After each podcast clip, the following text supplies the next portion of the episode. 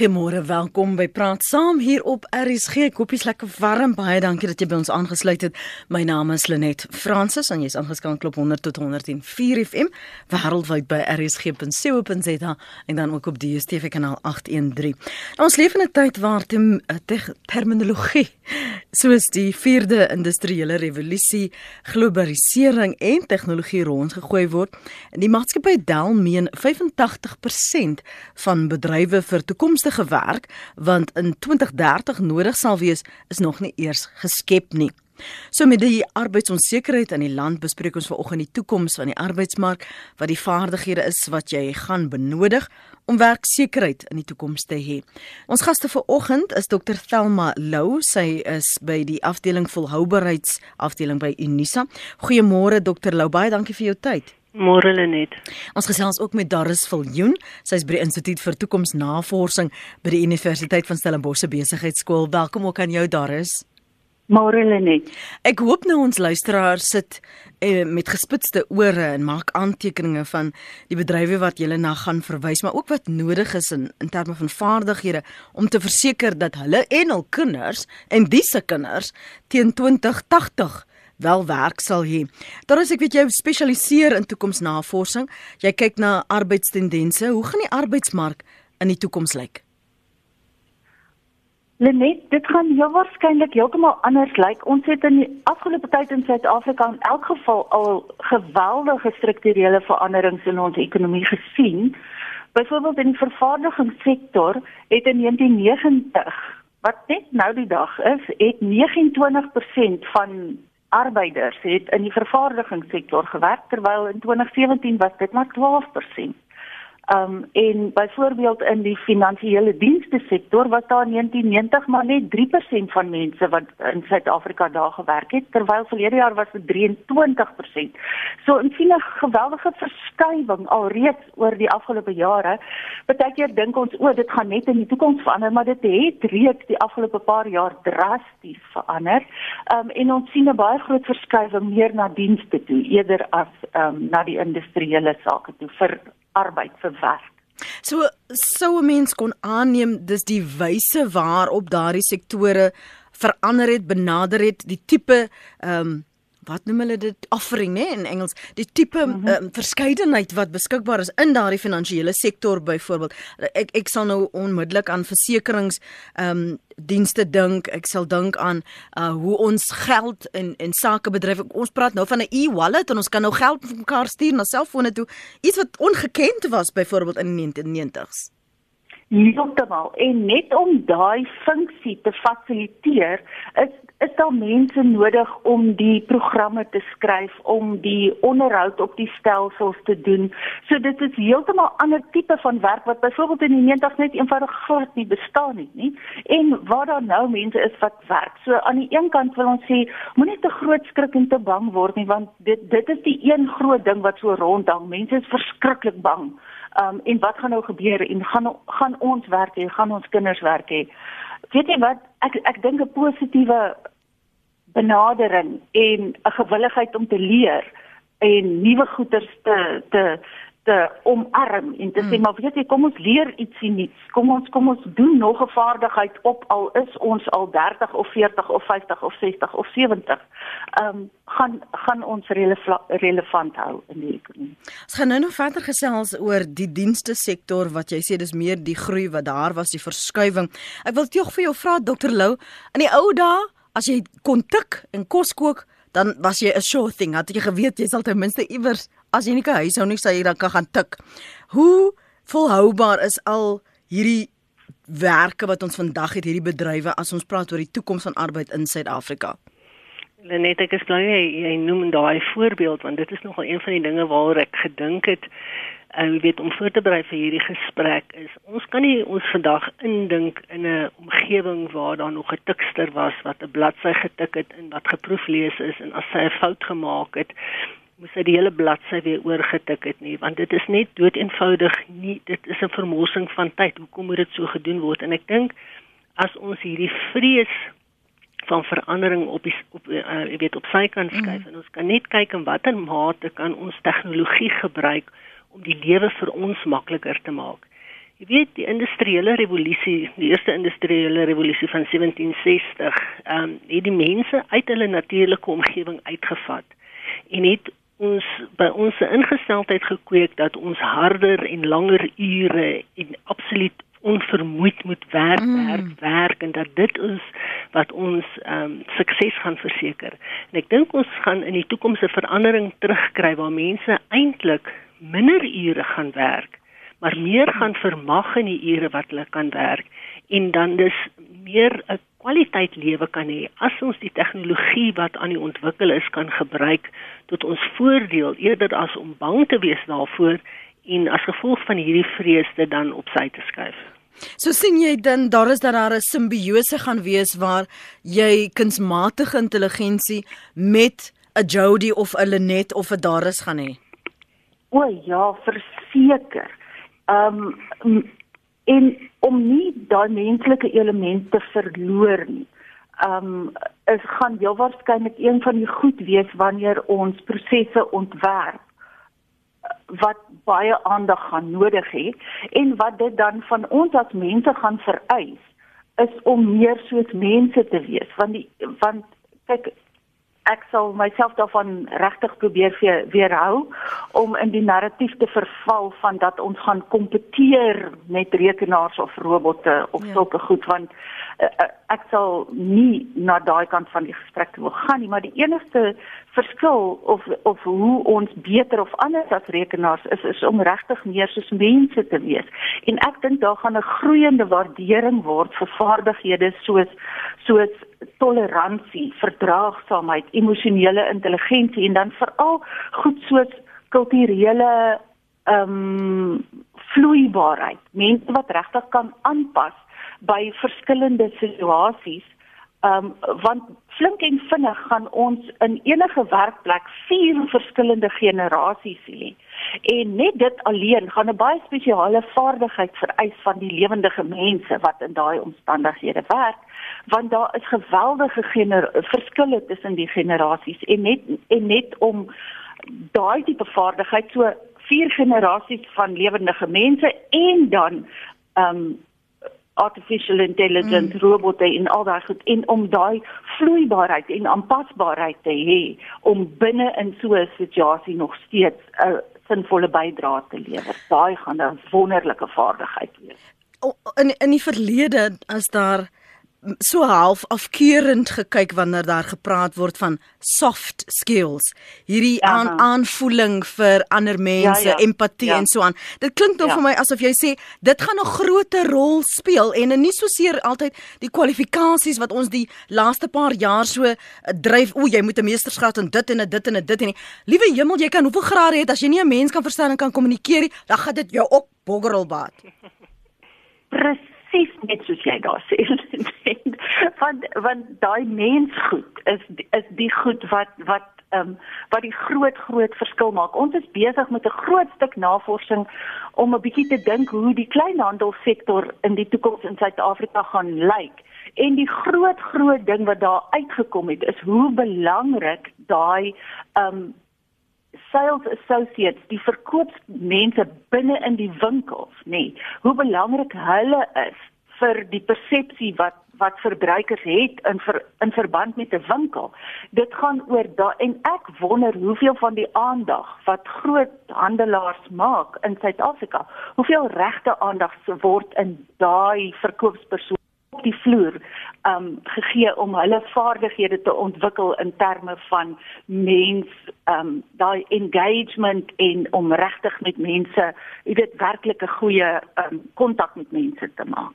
Daar Selma, kan ons gou net vir 'n oomblik hier stil staan? Uh, omdat 'n mens dit moeilik vind, ek dink baie ouers weet ook nie hoe leer jy 'n kind om emosioneel intelligent te wees nie. Ons praat hier van kulturele vloeibaarheid wat daar is sê in die toekoms benodig gaan wees. As jy kyk byvoorbeeld insidente in Amerika veral, wanneer daar iemand inkom wat nie soos jy lyk nie, nie soos jy praat nie, wat jy dink nie geld het nie, dan het 'n mens 'n voorbehoud. So, hoe leer jy iemand as 'n vaardigheid om te verseker hulle gaan 'n werk in die toekoms hê. Hoe leer jy hulle om kultureel vloeibaar te wees? Ja, en ek dink ons in Suid-Afrika is in 'n uitstekende situasie om om oor daai goed te dink en daaraan te werk mm. omdat ons so 'n diverse samelewing is.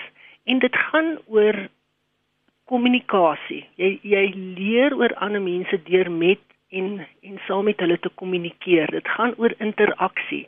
Jy leer oor en met ander mense deur met hulle interaksie te hê.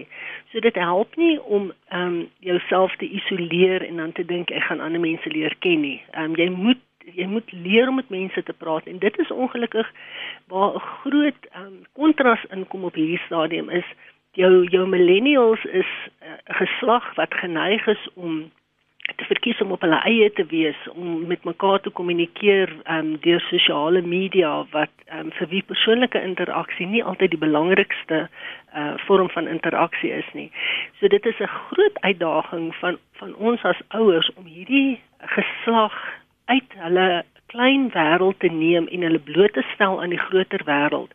Want dit is net op daai manier wat hulle hierdie vaardighede kan aanleer want jy ons is in 'n samelewing waar ons gebombardeer word met soveel inligting dat daar geen manier is wat 'n mediese dokter byvoorbeeld kennis kan hê van al die verskillende tipe medikasie wat beskikbaar is nie.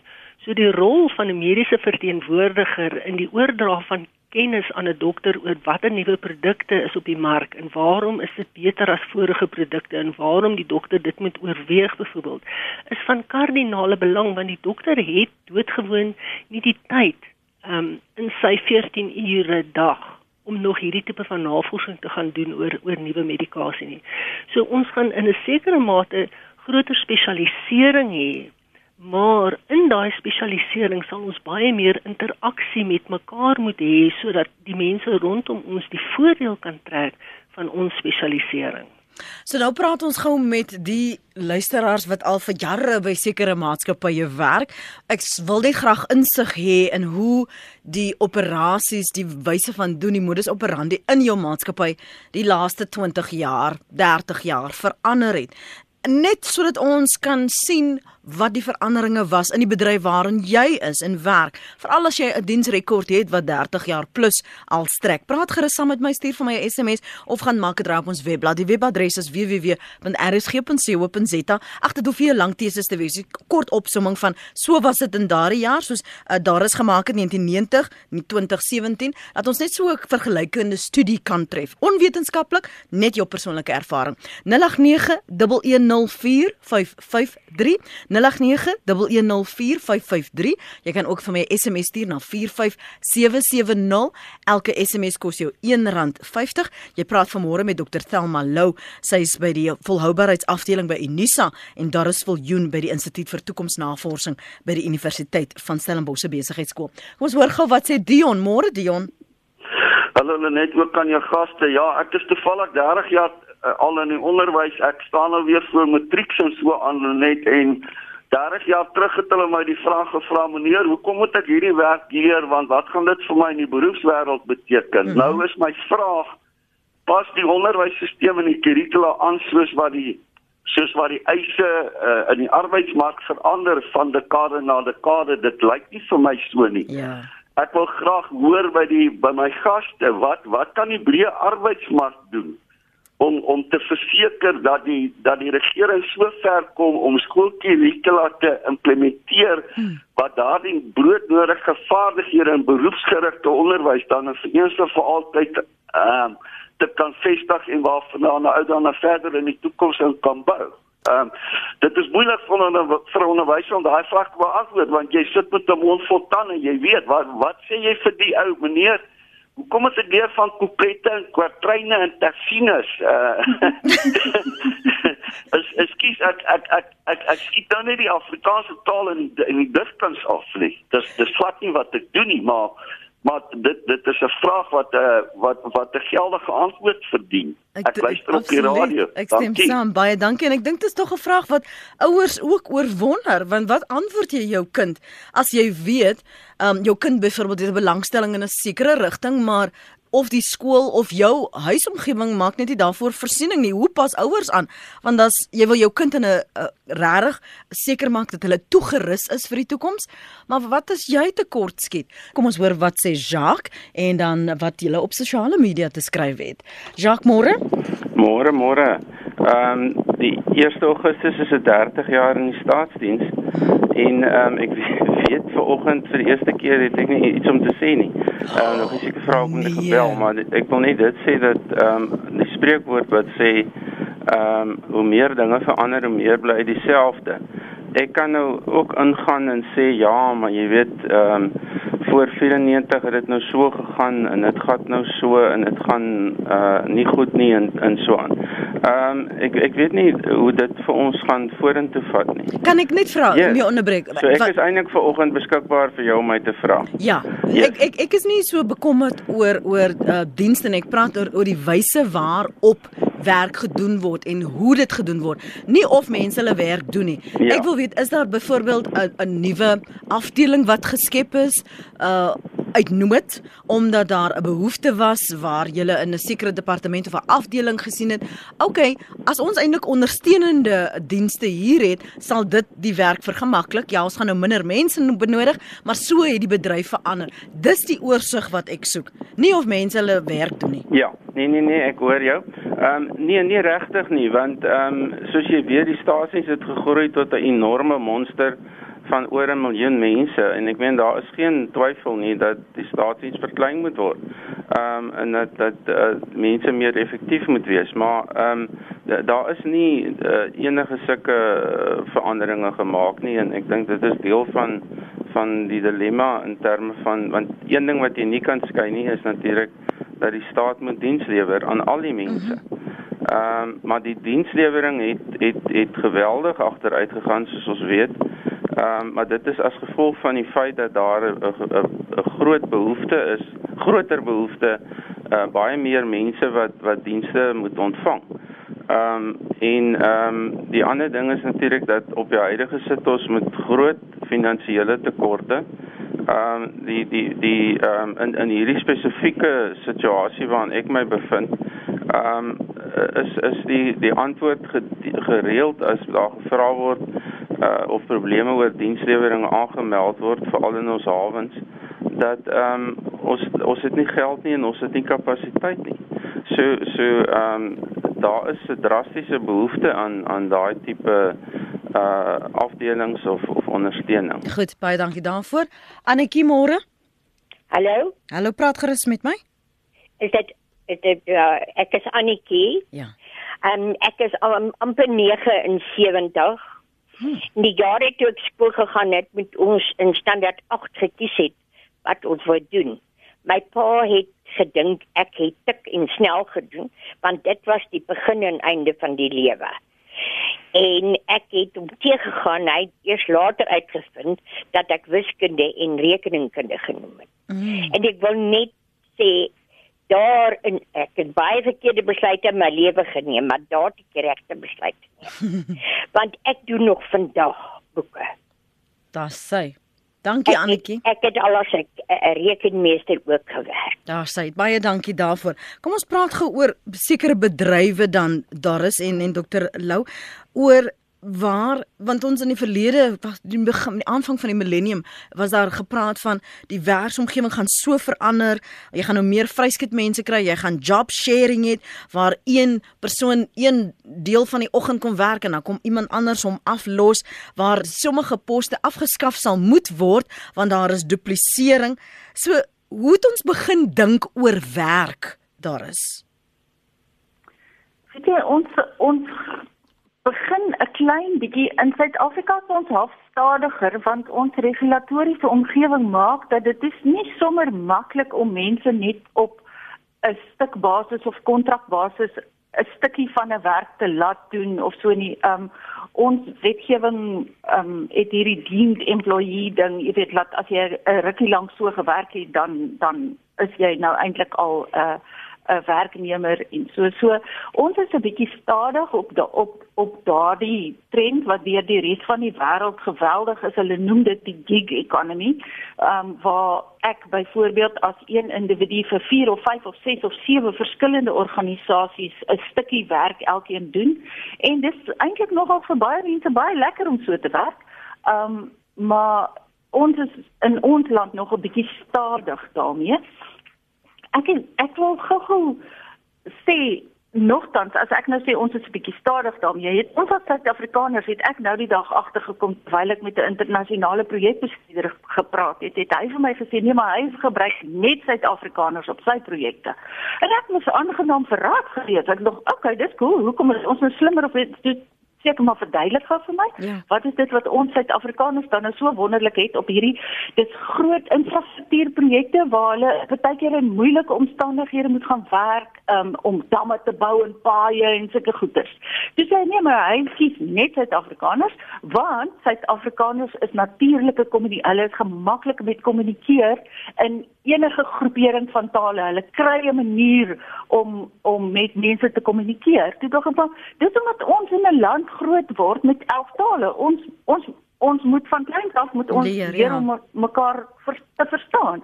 Dis sê maar dis die groot ding want jy kan in Suid-Afrikaner tussen 'n klomp ander mense sit en hulle gaan 'n manier kry om om met mekaar te kommunikeer. Hulle ons is baie tolerant vir verskillende gelowe terwyl ander mense van ander lande het so ons is tolerant in 'n in 'n multigeloof omgewing. Ons is natuurlike carers. Ons gee actually om vir die ander mense wat saam met ons werk en ons is blykbaar baie goeie planmakers. As ietsie verkeerd loop, dan kan ons 'n stuk draad en patty vat en ietsie regmaak. en hy sê die ander groot ding ja. is Suid-Afrikaners skrik nie maklik nie. As daar iewers 'n skoot klap of ietsie ontplof, dan kyk die Suid-Afrikaners op en sê nee, wat dis nog ver en dan gaan hulle aan en werk verder. Is dit nou nie cool nie? Ek het nie geweet ons het ons het sulke baie besondere vaardighede nie.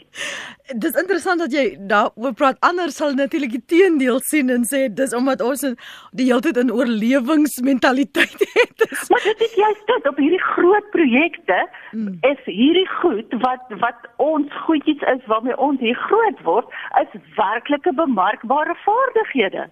Ja, absoluut. Een uh, Terry van die kerk skryf hier môre as afgetrede bankamptenaar het die ondersoekafdeling na bedrog 'n groot groot afdeling geword. Ek dink dit is ah. een van die bedrywe wat ons van gepraat het wat nuut geskep is weens die omstandighede en 'n veranderende tye wat ons lewe. Maar kom ons gaan na Dion se bekommernis en invraag of of die onderwysstelsel gerad is Dr Lou om aan te pas want dit is nou een ding dat jy hierdie ongelooflike vooruitsigte van moontlike werk en jy die vaardighede nodig nodig, maar die stelsel op universiteit, op skole maak nie bane beskikbaar of klasse vir daardie tipe skoling of lering nie. Net ek dink dit is 'n dit is 'n baie relevante opmerking. Ehm um, jy weet die um, wêreldekonomiese forum het in 2017 uh, 'n studie gedoen oor die die toekoms van werk en vaardighede in Afrika. En een van die belangrike dinge wat hulle daar uit lig is die gehalte van uh, die onderwysstelsels.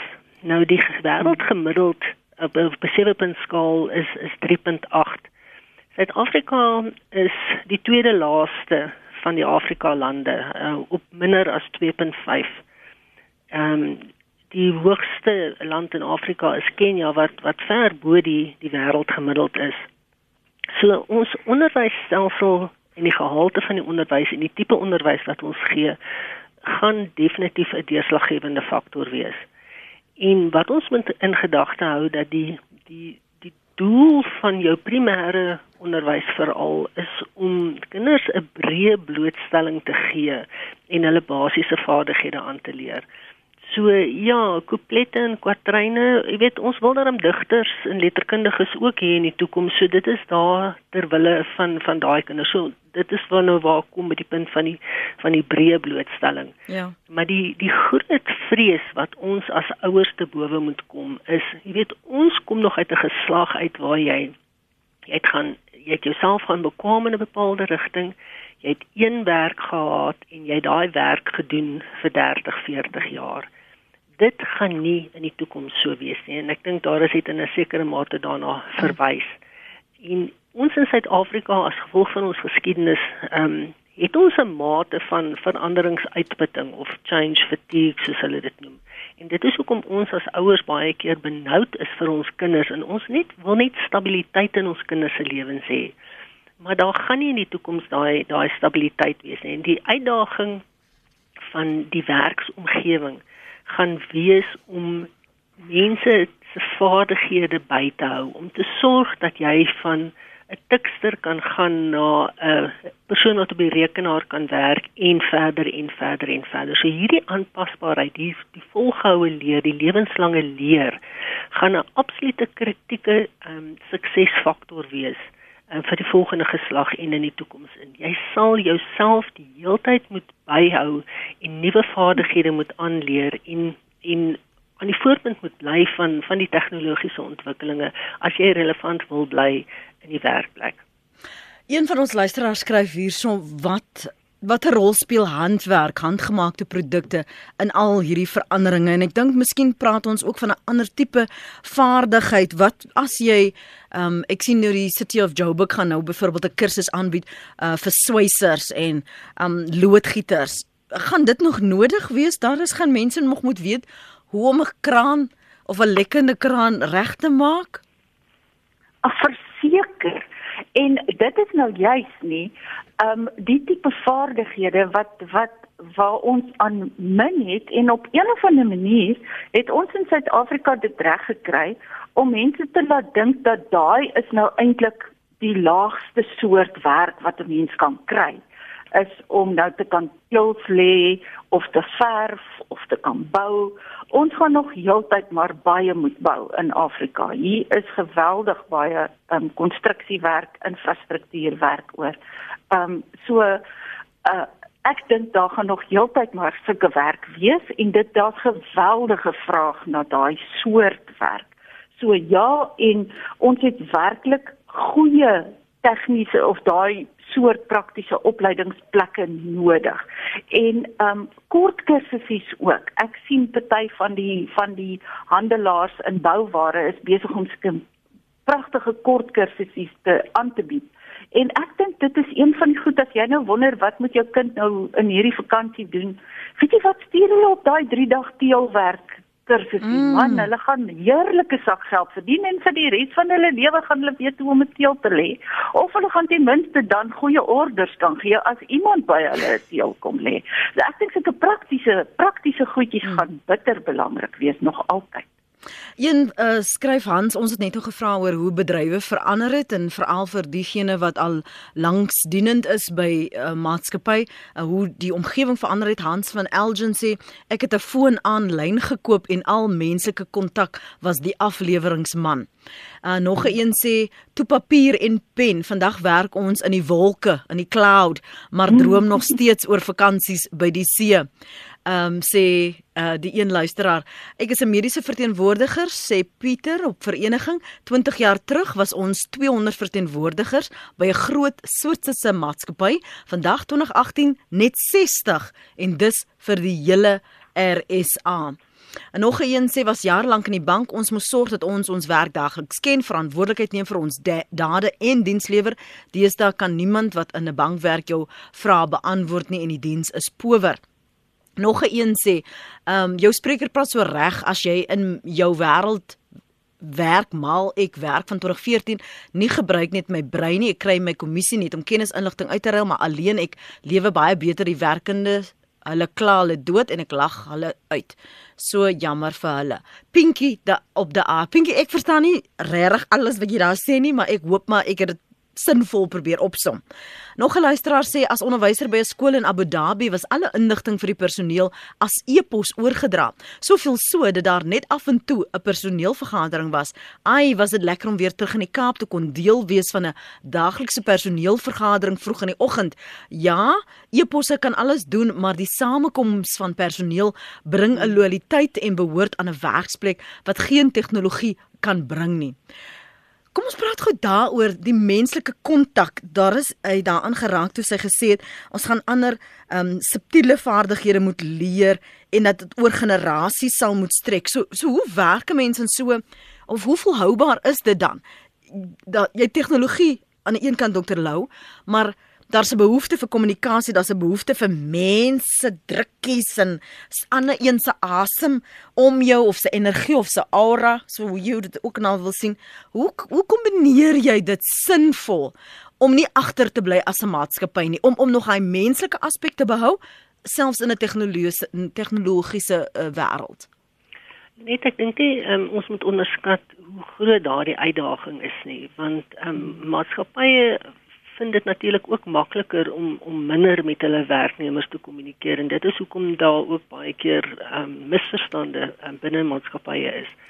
So ek dink weer eens die uitdaging daar is om om um, jou jou werknemers te kan help en jou jou topleierskap van jou maatskappye moet absoluut die leiding neem in die uh, die heroplei en die, die seker te maak dat jou werknemers die vaardighede het, hierdie interpersoonlike vaardighede, veral waar jy met ander lede van die publiek um, te maak het. Jy sal altyd sekere mense hê wat nooit enige kontak met die publiek het nie. Maar ehm um, maar, maar die mense veral wat kontak met die publiek het, sal die vaardighede aangeleer moet word om op die regte manier met die, met die publiek om te gaan die mense wat nie met die publiek omgang nie, moet nog steeds met hulle kollegas omgaan. So so in die werksplek moet daai vaardighede aangeleer word, maar ons as ouers het natuurlik ook 'n baie belangrike verantwoordelikheid om ons kinders te leer om op maniere te hê en ordentlik met mense te praat en en seker te maak dat in ons in ons omgang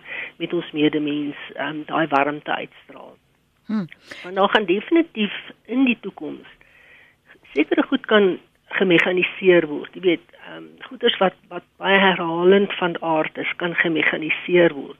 Maar sekere tipes van werk wat empatie en oordeel vereis, kan nie gemekaniseer word nie en daar gaan die menslike element bly.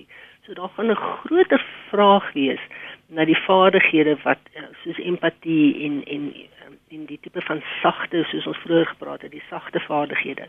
En ons moet onsself dus uh, leer om weer die waarde van hierdie vaardighede raak te sien en hulle en hulle uit te bou eerder as wat ons soos wat ons geleer het onder die industriële revolusie dat hierdie vaardighede eintlik nie belangrik is nie en dis net die die harde vaardighede wat wat belangrik is. Mm -hmm. Kom ons hoor gou wat sê Johan in Kaapstad. Môre Johan. Môre net in jou gaste sê ek stem heeltemal met jou gaste saam. So maar kyk daai mense is baie slim mense. Hulle het al die uh, uh boekkennis so goed is en so.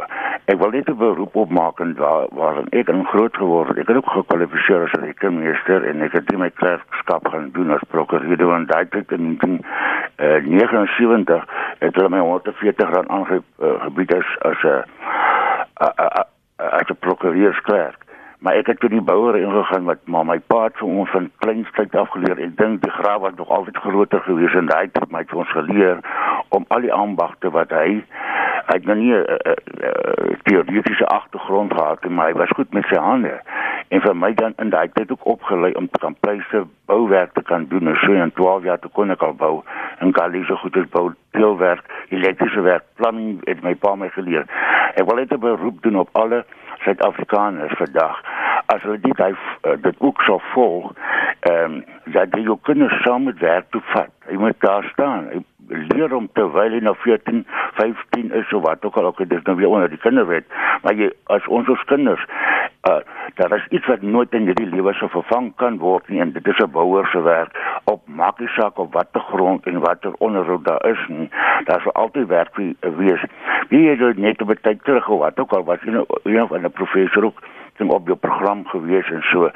Nou uh, toe sê nou gesê wat sê nou verdien so, maar die loodgieter verdien meer as wat 'n professor verdien. Ambagsmense verdien meer as gewone klerke wat in uh, kantore en goede sit. Ek glo dat ons met ons kinders oplei uh, uh, nou as werkplekke te vat, dat die werkplekke ook uh, mense wat nou nie hulle eie besighede het nie, om hulle kinders net na die kantoor te vat te vra vir die bestuurder wat ook al ek wil my kind stadig oplei in die beroep waar ek in is en soos jou gaste en julle ook gepraat het dat ons vir ons 'n breë spektrum van werk kan skep. Goed, baie dankie Johan. Andre sê daar moet net in ag geneem word dat ons vervaardigingssektor noemenswaardig gekrimp het. Ek het etlike jaar gelede al voorspel dat Suid-Afrika Engeland sal volg. Engeland was 'n groot moontlikheid in die ekskuus moontlikheid in die vervaardigingssektor, maar in die 70's het arbeidsoptrede dit amper vernietig. Dink net aan die voor Thatcher era, die tekorte aan elektrisiteit as gevolg van stakings en sovoorts in Engeland onder die toe arbeidersregering. Hulle ekonomie het noodgedwonge meer en meer verskuif na die dienste sektor terwyl vervaardiging gekrimp het. Ons volg dieselfde paadjie. Connie van Dannebaai skryf die Wêreldekonomiese Forum voorspel in hulle 2016-2017 verslag dat transformasie van die wêreldekonomie weens tegnologie tot 'n netto verlies van meer as 5 miljoen werksgeleenthede in 15 groot ontwikkelde en ontwikkelende ekonomieë kan lei. Sonder dringende en doelgerigte optrede om die oorgang te bestuur en 'n werksmag te bou wat vaardighede het wat nodig is, sal regerings met toenemende werkloosheid en ongelykheid en ondernemings met 'n krimpende verbruikersbasis te doen kry. So kan ons praat dan oor as ons stil staan by daardie scenario wat Connie daar skets en julle albei het eintlik vroeër vanoggend daaraan geraak oor hoe die toekoms moontlik kan lyk.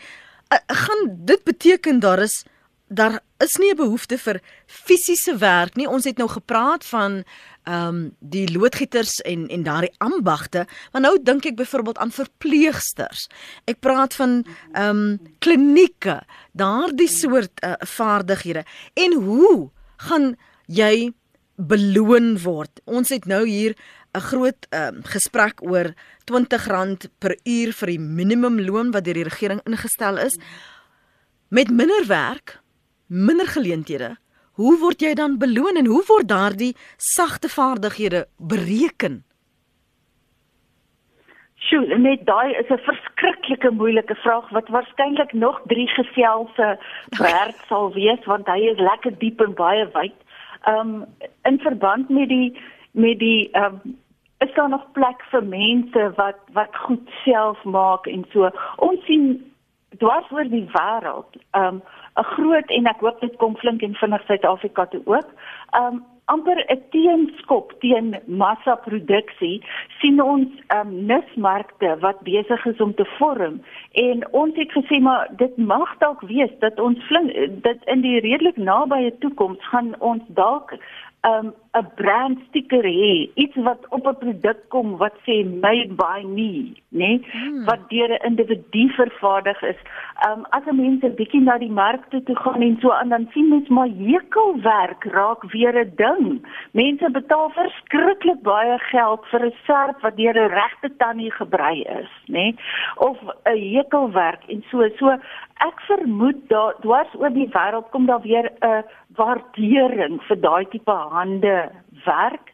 Um as 'n mens dan nou die per uur tarief neem van hoe lank dit neem om 'n regte serp met regte hande te brei, dan is dit waarskynlik baie minder as R20 per uur, maar daar is 'n werklike terugkom. Die vraagie oor um die gevaar van werk en hoe kan werk verdwyn? het daar 'n groep mense bymekaar gekom wat die van die rede hoekom werk verdwyn is omdat rekenaars stukke van jou werk kan oorneem, né? Dit is die een argument dat daar stukke of aktiwiteite binne in jou dagtaak is wat geautomatiseer kan word en dit is hoe um werke jobs dan verdwyn. Nou een groep geeks, ons liewe vriende wat hierdie goedjies stel, het 'n klomp um take werke geanaliseer in terme van die aktiwiteit wat binne in daai werk sit en hoeveel watter persentasie van daai aktiwiteite geautomatiseer kan word en dit alles het hulle actually op 'n webwerf gesit. Die webwerf se naam is Will Robots Take My Job. En ek het net nou terwyl ons gesit en praat het, het ek gou jou taal, jou werk ingetik net. Dankie. So so 'n radio interview host nê? Nee? Mm. Jy is okay want die persentasie wat die masjien hier uitgeskop het is 10%. So daar is net 'n 10% kans dat jy in die nabye toekoms jou werk gaan verloor op grond van outomatisering. 'n Robot gaan nie binne die nabye toekoms jou werk vat nie. Gelukkig het ek ander vaardighede wat ek al klaar verkoop om seker te maak dat dat dit nooit dat ek nooit gelaat word waar ek dink o wat nou nie. Kom ons hoor gou wat sê anoniem. Anoniem, dankie vir die aanhou. Uh môre net dis 'n baie interessante praatjie. Jy sou moet uh, herhaal. Ons moet verder gaan daarop. Wat ek net graag wil byvoeg is twee konsepte. Die ene van Elvin Toffler van die 1970s wat gesê die mens kan emosioneel nie tred hou met die vinnige veranderende wêreld nie en mm. daarom lei die mensdom aan toekoms skok. Mm. Haar boek mm. of uh, Elvin Toffler se boek se naam is Future Shock. Ja. As jy kyk na die wêreld rondom jou, jy sien mense ly toenemend aan 'n toestand wat hulle bestempel het destyds as toekoms skok. Die tweede ding wat ek wil sê is dat die hele wêreld daar's plekke in die wêreld waar die mense 'n universal income ontvang reeds omdat robotte hulle vervang het, word hulle betaal om niks te doen nie. Nou kan jy jou indink, so kundiges praat daarvan as 'n probleem met sinvolheid van bestaan. Waarom bestaan mense dan as hy van 20 tot 120 jaar oud 'n universal income, 'n gratis salaris gaan kry om niks te doen nie. Wat gaan mense met hulle lewens doen? Waarvoor gaan hulle opstaan in die môre? Waarvoor gaan hulle gaan slaap? Dis twee uh sielkundige faktore wat ons mense net moet miskien gesels in 'n volgende praatjie ja. oor uh, uh, uh, hoe dit die wêreld gaan affekteer. Ja. Laaste ding die in Engeland leer hulle die 5-jariges nou reeds kodering. Met ander woorde hoe om rekenaars te programmeer. Ons land wil vir ons kinders geskiedenis leer wat niks vir ons gaan beteken vorentoe. Ons moet ons kinders leer kodeer op 5 jaar. Maak speletjies wat kinders kan leer om rekenaars te programmeer ek dink dis genoeg vir my vir vandag. Ons moet op 'n ander keer weer verder gesels. Dankie. Ek dink dit is nog 'n program werd om want want dis dit is net op 'n ander vlak. Die, wat doen jy met jou lewe en en besin jy en herinner my toe hy nou daaroor praat julle um na 'n um, Viktor Frankl se boek Man Search for Meaning want ons vind sinvolheid in soveel verskillende dinge en daar is mense wat sinvolheid en sin in in 'n werk vind. Dit is hulle hele bestaans wêreld en as ons vanoggend vir hulle so wakker maak en sê maar okay, daai daai vaardighede sal moet verander. Dan dan kan dit nog 'n ontnigtering wees. So as ons praat en ter afsluiting dan Dr Lou, hoe sou jy opsom wat is die belangrikste lesse wat enige luisteraar, enige werknemer of selfs werkgewer of entrepreneur vir oggend van hierdie gesprek moet wegneem? Net ons moet in gedagte hou dat 60% ehm um, van Sub-Sahara Afrika se bevolking is jonger as 25 jaar. Met ander woorde, dit is mense wat nog nie die werkplek betree het nie. En ons moet wegkom van die idee van een werk vir die res van jou lewe. Mense moet entrepreneurs wees. Hulle moet, soos jy sê, jy ook gedoen het, verskillende vaardighede hê wat hulle op verskillende vlakke kan toepas en waar hulle nie afhanklik is van hulle werk wie toe saar verloor. Kom ons hoor gou. Ek weet nou nie wie ons daar verloor het nie. Dokter Lou, daar is as jy daar? Nee. Jody, kom ons net vinnig vir hulle asseblief in die hande kry om op te som.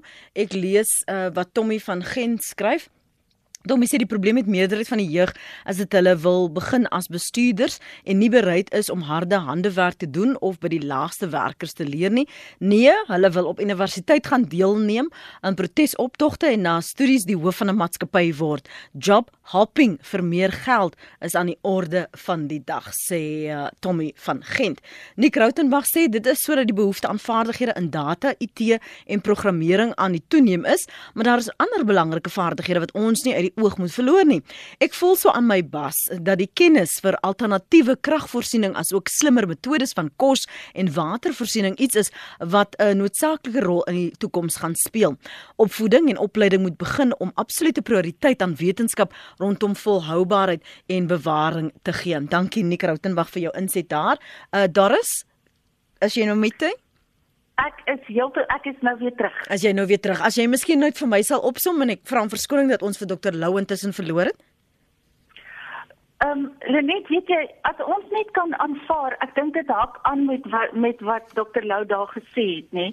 As ons net kan aanvaar dat leer eintlik heeltemal natuurlik is en nuwe goed leer dat ons nie moeg moeg word of moedeloos word om nuwe goed te leer nie. En dan 'n groot groot belangrike ding is om in mense van alle ouderdomme, maar veral in jong kinders um 'n 'n stelsel verstaan bevestig.